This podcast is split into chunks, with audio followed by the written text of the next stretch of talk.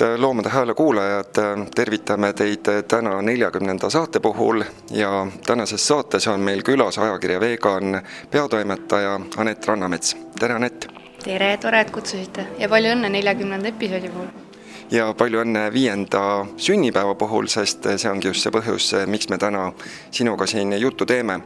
me oleme üle tüki aja tulnud välja, istume Tallinnas Rotermanni keskuses, Rotermann City's huboses vegan restoranis nimega Oasis. aga alustame siis sellest, et ajakiri Vegan sai nüüd just viieaastaseks, päris pikk aeg mis tunne valdab pärast seda viit aastat, see on selline päris korralik lapsuke juba. aitäh õnnitluste eest kõigepealt, jah, on tõesti äh, korralik, äh, isegi endal võttis korraks nagu jala värisema siis, kui kui saime aru, et äh, viis aastat juba, et päris palju, et aeg on tegelikult väga kiiresti lennanud, aga kuna ma ei olnud esimese aasta juures täielikult, kui ajakiri siis ilmuma hakkas, siis, äh, siis minu jaoks on see ajakirjaperiood olnud natukene lühem kui teiste jaoks, meid on muidu kolm äh, siis tiimis, kolm põhiinimest tiimis, et äh, kolmekesi me seda ajakirja teeme ja, ja ikkagi tegelikult aktivismi pisikust on see ajakiri sündinud. et, et kui ta alguses oli veganilt veganile mõeldud siis nüüd ta enam ei ole vegan, noh, ta on ka veganile mõeldud, aga nüüd äh, see sihtgrupp on natukene muutunud, mis tähendab siis seda, et äh, ajakiri on ka sellele inimesele, kes siis tahaks rohkem sellelt, äh, sellest teemast teada, kes sooviks rohkem retsepte ja, ja nii. ja kuidas ajakiri toona üldse alguse sai, mismoodi see juhtus, et inimesed tulid kokku ja leidsid, et vot, nüüd võiks ühe sellise vegan ajakirja kokku panna ja teistele lugemiseks välja anda lisaks minul on siis tiimis Kristjan ja Marimai, kes on äh, Rakverest pärit ja äh, nemad on pikka aega juba tuttavad ja sõbrad olnud ja ja nemad äh, jalutasid siis kuskil kuus aastat tagasi Rakvere Vallimäel. Ja, ja mõtlesid, et noh, et mis nüüd oma eluga edasi teha, ilmselt ma teen selle loo praegu ilusamaks ka, selline komme inimestel on Äh, ja, ja siis neil tuli äh, see mõte pähe, et äkki teeks vegan ajakirja, sest nad olid mõlemad selleks hetkeks juba päris pikalt veganid olnud. ja, ja sealt see asi siis äh, jooksma läks, et lihtsalt aktivismi pisikust ja ühest väikesest jalutuskäigust Rakvere Vallimäel sina oled nüüd olnud sellega seotud neli aastat, olete kokku lugenud kindlasti ka, et kui palju numbreid on praeguseks ilmunud ja võib-olla isegi, et kui palju lehekülge materjali. Issand, äh, ma jään selle numbri vastuse vist, oi kakskümmend seitse äkki, kakskümmend seitse numbrit, ma arvan. alguses siis esimesel aastal oli ajakirja äh, nii-öelda sagedus neli ehk siis hooajaline. äh, siis me tõstsime seda mingi hetk poole, siis iga, iga kuu tagant, ehk siis kuus korda aastas, siis mingi hetk oli meil enne koroonaaega oli meil plaanis juba iga kuu hakata seda välja andma, siis tuli see kummaline Covidi periood mis tähendas siis seda, et äh, pidime natukene jälle sagedust tagasi tõmbama ja hakkasime uuesti kuus korda aastas välja andma, et siiamaani on see kuus korda aastas see sagedus. Et äh, tegelikult äh, hullult tore oleks, kui saaks iga kuu anda ja saaks nii-öelda kuukirjaks selle. kui palju teil praegusel hetkel tiraaž on ja kui palju on lugejaid? tiraaž on meil tegelikult päris suur, kaksteist tuhat Mm, sellise väikese nišiajakirja kohta mina julgeksin öelda, et see on tegelikult väga hea saavutus. see muidugi tuleb ka sellest, et äh, me mingis mõttes jagame seda ajakirja tasuta ja lugejaid, seda on äh, raske öelda, aga kahe tuhande kahekümnenda aasta siis elu lugeja uuringu põhjal äh, tuli välja, et seal on umbes kuuskümmend tuhat lugejat, et see on tegelikult väga-väga palju. Ja me oleme väga nagu rõõmsad selle stati-, statistikale. See on tõesti päris suur number ja kui ma siiasamasse Oasisesse täna sisse astusin, siis ka siin on olemas äh,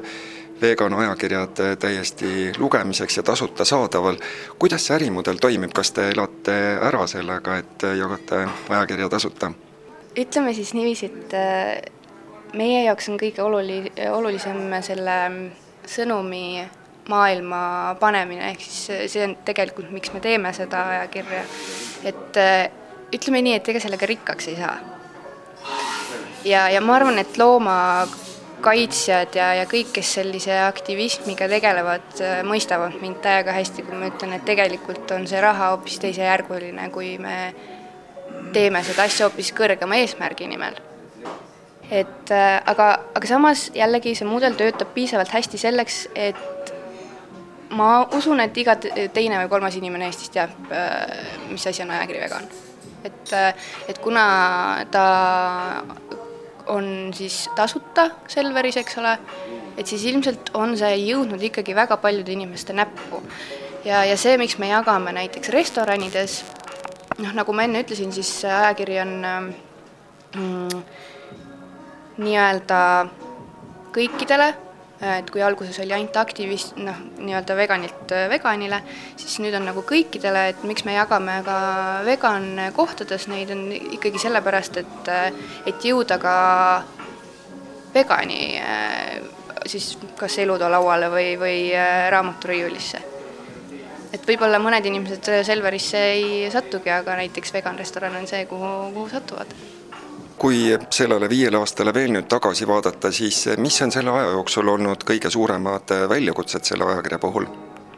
ma pean ikkagi ütlema, et see Covidi äh, pealetulek, selline hullult ootamatu hetk meie jaoks, kus äh, noh, meil ikkagi üritasime hullult, et, et ärme siis tee pausi, meil oli ju pool aastat pausi ka sellel, mis on nüüd poolteist aastat tagasi, peaaegu kaks aastat tagasi et ähm, me hullult üritasime, et, et mitte seda pausi sinna siis, et, et see ei tekiks sinna sisse. aga see millegipärast see kummaline olukord ja see haigus ja kõik tekitas meis sellise noh, võib öelda, et rusuva tunde, selline, selline motivatsioonilangus oli võib-olla kuidagi, et, et saime aru, et võib-olla olekski seda restarti vaja, et teeme selle, võtame selle pool, pool, pool aastat aega, noh, me ei teadnud tegelikult tol hetkel, kui pikalt see paus hakkab kestma, aga me teadsime, et meil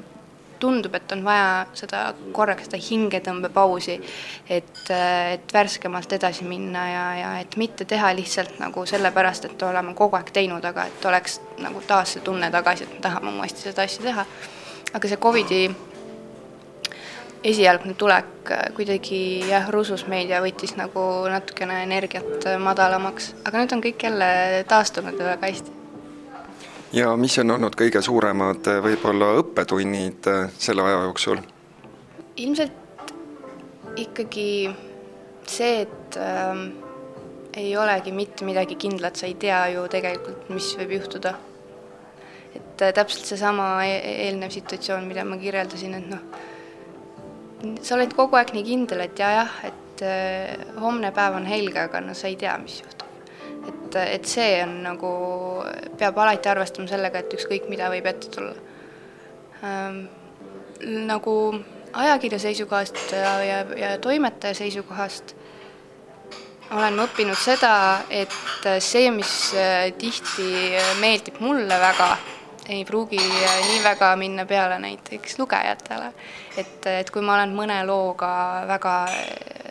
väga-väga rahul, siis see, see ei pruugi üldse nii palju äh, tagasisidet saada kui mõni teine asi. et ikkagi äh, oma lugejat peab tundma, et mis neile meeldib, mis neile ei meeldi, aga, aga noh, jah, ei tea ja,. jah, ma ütleks niiviisi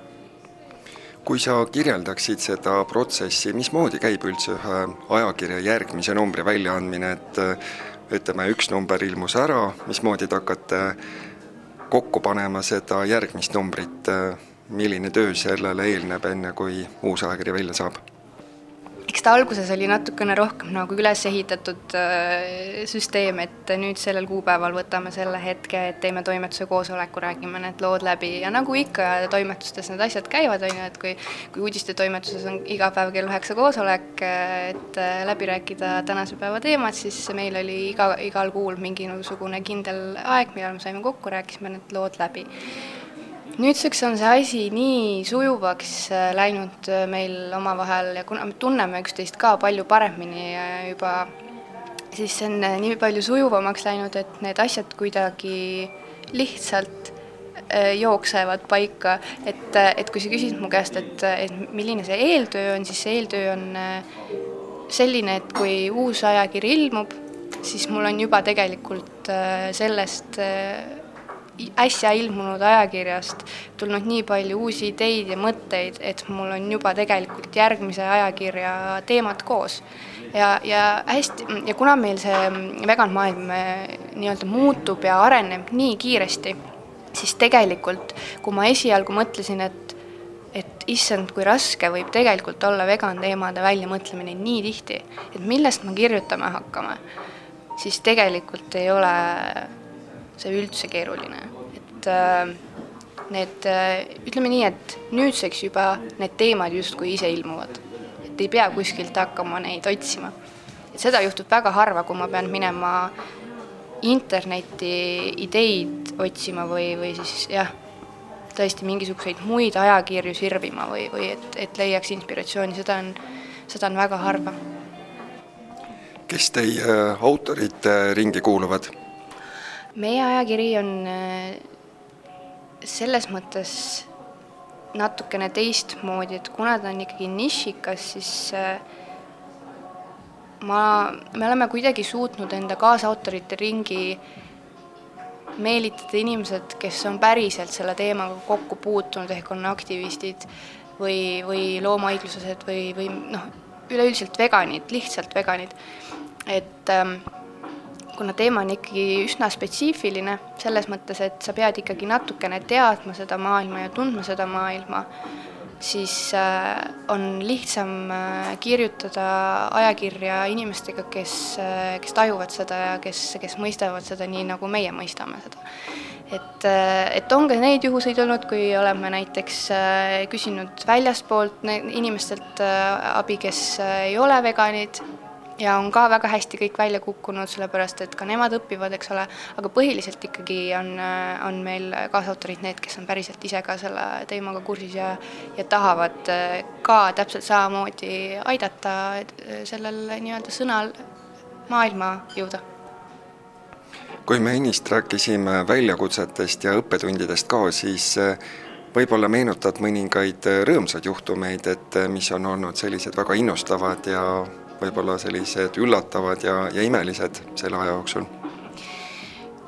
see võib nii proosaliselt kõlada ja kuidagi võib-olla pettumust valmistavalt, aga lihtsalt kõige-kõige toredamad on need hetked, kui lugejad ütlevad, et nii tore on, et see ajakiri on olemas. sest et, et noh, hästi tihti noh, nüüd sotsiaalmeedia nagu äh, võimaldab selle, et sa saad oma lugejatega rohkem kontaktis olla, eks ole, aga tihti on ajakirjaga see, et sa annad selle ajakirja välja ja sa tegelikult ju ei näe füüsiliselt seda seltskonda, kes seda ajakirja ju kodus loeb. et eh, see on megatore, kui inimesed astuvad ligi või kirjutavad kirja, et megatore, et te teete seda asja ja, ja et aitäh, et te olemas olete, et eestlane on üldiselt eh, väga tagasihoidlik ja pigem äh, pigem ei ole nagu eh, selline inimene, kes hullult tahaks häid sõnu inimestele lihtsalt niisama öelda, et eh, et jah, see minu meelest annab nii palju jõudu juurde, et, et ma, ma täiega utsitan inimesi lihtsalt mitte ainult meile kirjutama, vaid ka kõikidele loomaõiguslastele ütlema, et aitäh, et te seda teete, sest et see on tegelikult väga-väga suur asi sotsiaalmeedias on teil tõepoolest näiteks Facebookis on üle viie tuhande kahesaja jälgija, et kui palju seda tagasisidet tuleb ja mis temaatiline see tagasiside enamasti on? mulle tundub, et see jälgijaskond, kes meil näiteks Facebookis on, on seal tegelikult põhiliselt ikkagi selleks, et et näha esimesena neid uudiseid, mis, mis selles maailmas välja tulevad kuigi see tundub nii väike maa, nagu selles mõttes väike maailm, et ah, et mis siis, mis need suured uudised siis on, et mis, mida oleks vaja hullult kiiresti inimestele edastada, on ju, siis tegelikult on, näiteks hiljuti Helsingi linn äh, ütles, et äh, nemad enam oma üritustel äh, liha ei paku ja me, meie maailmas on see väga suur uudis. ja seda oleks, noh, see on see on täpselt selline asi, mida tahaks kohe oma lugejatele nii-öelda edastada, et see on nagu see platvorm, kus me edastame neid toredaid, ägedaid, lahedaid arengu-uudiseid ja tutvustame igasuguseid toredaid äh, vegan tooteid ja, ja, ja toome ikkagi, see on, see on et sotsiaalmeediakonto on täpselt täpselt sellel samal eesmärgil, miks on ka ajakiri, et tuua seda maailma lähemale inimestele ja selgitada seda maailma sellisel viisil, et see ei, et see ei äh, mõjuks rünnakuna kuidagi või et see ei, et see ei riivaks kellegi uhkust või, või tundeid. kui äh, ennist rääkisid sellest, et äh, seesama Covidi aeg äh, võttis motivatsiooni maha ja ja pani võib-olla sellise kerge pausi peale pooleks aastaks, et kindlasti on olnud ka veel selliseid teisi raskeid aegu, aga mis on olnud see, mis on motiveerinud jätkama, et lähme ikka selle ajakirjaga edasi, anname teda välja ja, ja teeme seda asja? mulle tundub, et selle, selle juurde saab tõmmata, või noh, et paralleeli saab tõmmata selle juurde, et kui ma hakkasin veganiks, siis mul tekkis selline helge tunne sees, ma olin äh, harmooniamist, ma arvan, et võib seda niiviisi nimetada, et sa, sa tead, et sa ei tee kellelegi liiga, sul on endal hea olla, ja selline lihtne ja kerge olemine nii füüsiliselt kui mentaalselt, eks. ja mulle tundub, et selle ajakirja tegemisel on täpselt seesama tunne, et, äh, et motiveerib see, et äh, see on õige eesmärgi nimel see ei ole lihtsalt sellepärast, et me tahaks paberile tinti määrida. See on äh, või, või et kuidagi hullult rikkaks saada, sest nagu ma ütlesin, sellega hetkel veel rikkaks ei saa, võib-olla kunagi tulevikus absoluutselt, aga, aga ikkagi motiveerib see, et me ju, me teame kõik, äh, miks me seda teeme ja mis, mis eesmärgil me seda teeme. kui lähme sinu enda juurde, siis äh, mis sind ennast kunagi veganluse juurde tõi? tihti küsitakse, et aa, et kaua sa vegan oled olnud, eks ole. noh, raske öelda, sellepärast et äh, ma ei tea. kaks tuhat viisteist maikuus oli mingisugune selline hetk mu elus, kus ma hommikul ärkasin ülesse ja mu esimene mõte oli, et tänasest ma enam liha ei söö. Ja siiamaani tagasi vaadates sellele päevale mul ei ole õrna aimugi, kes mu alateadvust mudis, mis mu alateadvust mudis või kuidas kuidas üldse, kuidas ma jõudsin selleni, et mm, nüüd on kõik lihtsalt täiesti päevapealt, mul ei ole siiamaani õrna aimugi, miks. ja, ja kui ma alguses nii-öelda liha, äh, ma ei söönud liha, ma arvan, mingi pool aastat, võib-olla, võib-olla mingi kolmveerand, äh, siis oligi see, et ma sõin ainult taimetoit, noh, ka äh, piima ja, ja mingeid selliseid asju ja siis ma mingi hetk, need lihtsalt kadusid no ja siis tuli ajakiri Vegan juba ja siis, siis see tundus kõik minu jaoks nii loogiline ja nii nagu äh, noh, et äh, ma ei tea, kas uskuda nendesse asjadesse, mis pea, noh, et öeldakse, et aa, et see nii, järelikult siis see pidigi nii juhtuma, aga sellel hetkel ma olin küll, et hmm, huvitav, et kuidagi väga loogilist teed pidi jõudis see vegan minuni. ja kui me ütleme, vaatame seda veganluse maastikku siin Eestis, siis äh, sina oled olnud aastast kaks tuhat viisteist siin sees. milliseid arenguid äh, sa oled näinud selle aja jooksul, kuidas sa neid kirjeldaksid? Meeletud, meeletud arengud, see ei ole enam, see teema ei ole enam ütleme nii, et äh, kui kaks tuhat viisteist ma läksin seltskonda ja mainisin sõna vegan, siis tihti olid inimesed väga segaduses sellest, et millest ma küll räägin. Äh, täna enam seda ei ole, mitte kuskil. ma julgen öelda, et tõesti neid seltskondi, ma arvan, on minimaalselt kus inimesed ei ole seda sõna mitte kunagi kuulnud. iseasi on see, kas nad saavad päris täpselt aru, mis selle sõna taga peitub, aga vähemalt nad on seda kuulnud, äh, mis on juba tegelikult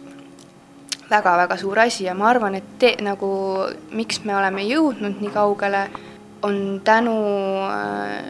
tänu sellele, et esiteks on meil väga toredad äh, aktivistid, kes seda teemat tutvustavad meil on, äh, me oleme suutnud kuidagi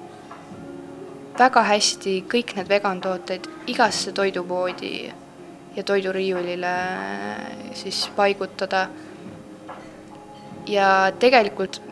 minu meelest toidupood on täpselt selline koht, kus käib ju nii palju inimesi ja seal on nii palju külastajaid ja see on väga hea niisugune koht, kus inimestele seda maailma tutvustada, sest et kuigi me ikkagi veganitena tahaksime, et inimesed mõistaksid veganluse nagu sügavamat äh, seda nii-öelda põhimõtet, siis ikkagi on see väga palju seotud ka toitumisega ja tihti saabki see alguse just toit, toidu juurest. et äh, tihti ju inimesed ütlevadki, et aa, et et jah, ma ei taha enam süüa, aga nüüd ma, nüüd ma olen selles maailmas sees ja nüüd ma saan sellest hoopis teistmoodi aru ja ma tahaks rohkem ka selle loomaõigluslusele näiteks pühenduda või mis iganes, et et ikkagi ma arvan, et äh, toidul on nii suur äh, osa ikkagi selles maailmas. Sestap äh, uurin ka sellist vastaspoolt, et kuidas suhtud sina veganina sellistesse kampaaniatesse, mida Eestis ikka aeg-ajalt ette tuleb, näiteks eile või siis sel nädalal nüüd Toiduliit algatas sellise kampaania, et sealiha on hea liha ja tõi statistikana ära, et Eestis söödi eelmisel aastal inimese kohta ära nelikümmend kilogrammi sealiha, et samamoodi kutsutakse üles kalaroogasid proovima ja nõnda edasi, et kuidas sa neid asju näed? no Toiduliit esiteks mul, ehm, kas ei olnud aasta tagasi ei olnud neil ka mingisugune reklaam piimaga vist või midagi taolist ja jah, mis ka tekitas hästi palju küsimust ja mitte ainult veganite seas, vaid ka inimeste seas, kes tegelikult näiteks piima tarbivad või liha tarbivad. Ehm, toiduliidu, lihtsalt minu jaoks on need Toiduliidu äh, reklaamid lihtsalt täiesti kumavad läbi sellest, et äh, seal on mingisugune lobitöö tehtud taga, et noh, paratamatult äh, me puutume kokku selliste momentidega, kus me tegelikult ju näeme läbi, mis äh, nende reklaamide või kampaaniate taga on täpselt samamoodi see uudis, mis nüüd hiljuti tuli, noh, see ei ole tegelikult mingi uudis, see on kaheksa aastat meil juba olnud, et me ei tohi neid piimadele reserveeritud nimetusi näiteks toodete peal kasutada, eks ole. aga nüüd Euroopa ja Parlamendis võeti uus määrus vastu, kus ei ole mitte ühtegi erandit nendele enam, et nüüd me peame maapähklivõi ja, ja kookospiima ka ümber nimetama. et noh, me võtame need reeglid kõik ilusti vastu ja me täidame need ära, aga me ju kõik tegelikult saame sisimas aru, kust need reeglid tulevad või, või kust need äh, ideed alguse on saanud, need ideed on kõik alguse saanud ju hirmust, need on selle piima, piimanimetuste näite puhul ikkagi piimatootjate hirm on see, et, et need teised tooted võtavad nende nii-öelda valguse ära ja, ja säravad eredamalt kui nemad. et, et täpselt samamoodi Toiduliidu kampaaniatega ka, eks nad ole hirmul ja tegelikult on seda ju tore näha, kuigi esimene reaktsioon, et no mis asja, miks niisugust asja on vaja teha nagu. ma ei tea, kas need kampaaniad toimivad mul pole õrna aimugi. aga mina näen ikkagi, mina näen nende taga ikkagi sellist värisevat jalga ja hirmu, et, et nüüd, nüüd midagi hakkab juhtuma, et maailm hakkab muutuma kui võib-olla teiste riikidega võrrelda, siis kus sa näed, millistes valdkondades, ütleme, kui me mõtleme taimetoitlust või üldse veganlust, Eestis sellist arenguruumi on, et kus suundades võiks edasi minna? No eks need Põhjamaad ole ikka need, kuhu tahaks või noh, kelle, kelle moodi tahaks rohkem olla, eks ole. just, just selle taimse toidu suhtes ilmselt, et kui nüüd Eestit täpsemalt vaadata, siis minu meelest peaks taimetoidu ikkagi kuidagi koolidesse saama sisse, et kahjuks on see meie koolitoit siiamaani äh, päris tasakaalust väljas, et äh, et kui me ütleme, et noored on tulevik, siis võib-olla peaks nagu ka sellel teemal nendega suhtlema, et äh, kuigi tegelikult ju väga palju noori on juba veganid, siis millegipärast nagu koolidesse ei ole jõudnud see, et, see sööklatoit võiks olla normaalne toit, mitte, mitte kartul ja jahukaste, et et kuidagi võiks seda noh, sest et see on ju lõppkokkuvõttes tervislikum ka ja noh, ma ei tea jah, et kuidagi peaks seda, seda teemat nagu arendama. millalgi oli Terevisioonis üks, äh, kas oligi koolitoidu teemal mingisugune vestlus ja seal oli üks äh, noor kutt, äh, ma arvan, et gümnasist, kes ütles sellise lause, et noh, ikka liha võiks rohkem olla ja noh, mind, mind pani nagu see kuidagi siis silmi pööritama, sest see on ikka esimene reaktsioon kuidagi veganil. aga siis ma mõtlesin, et huvitav, mis selle taga on, selle taga on see, et äh, järelikult ei ole nagu väga palju räägitud sellest, et, et kuidas saaks tegelikult paremini. Või et, et nagu nende enda jaoks ka, nende enda tervise jaoks ju ka, et noh, tundub, et need teemad on mingil määral ikkagi koolidest kauged et võib-olla peaks natukene seda teemat kuidagi nendele lähemale viima. millised plaanid on nüüd ajakirjal Vegan lähitulevikuks? eks meil ole igasuguseid mõtteid, ma ei tea, kas, kas ma tohin, tohin rääkida, ma loodan, et kui Kristjan äkki praegu kuulab seda, et siis ta mind päris maha ei löö, aga äh, ikka on, äh, ikka kaugemale ja, ja kõrgemale on meie plaan me ei ole veel mingisuguseid suuremaid samme selles suunas tegema hakanud, aga tahaks võib-olla jõuda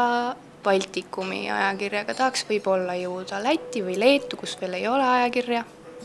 et äh, sellised äh, ideed või mõtted meil tegelikult äh, nii-öelda mõlguvad, me veel ei noh,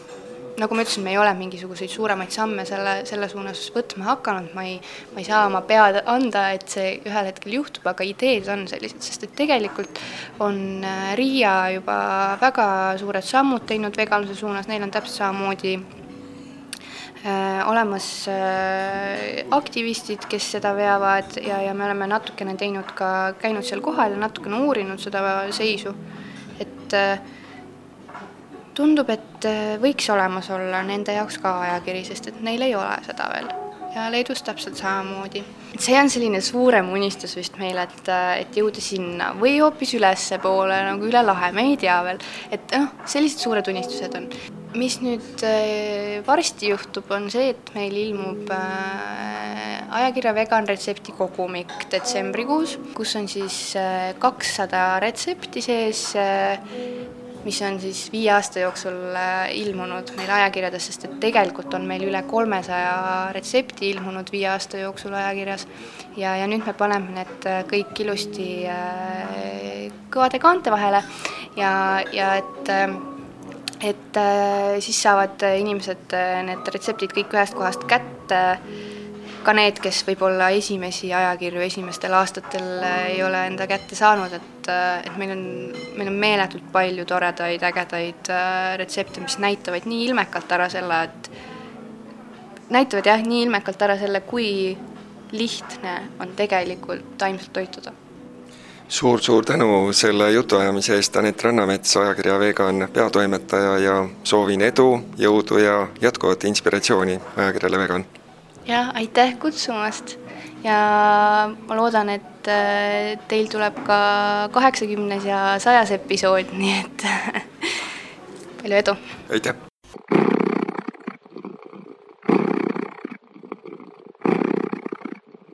hea Loomade Hääle kuulaja, nüüd on ka sinu võimalus omapoolselt loomust toetada. mine kodulehele loomus.ee kaldkriips toeta ja vaata lähemalt, kuidas saad meile toeks olla aitäh sulle ette!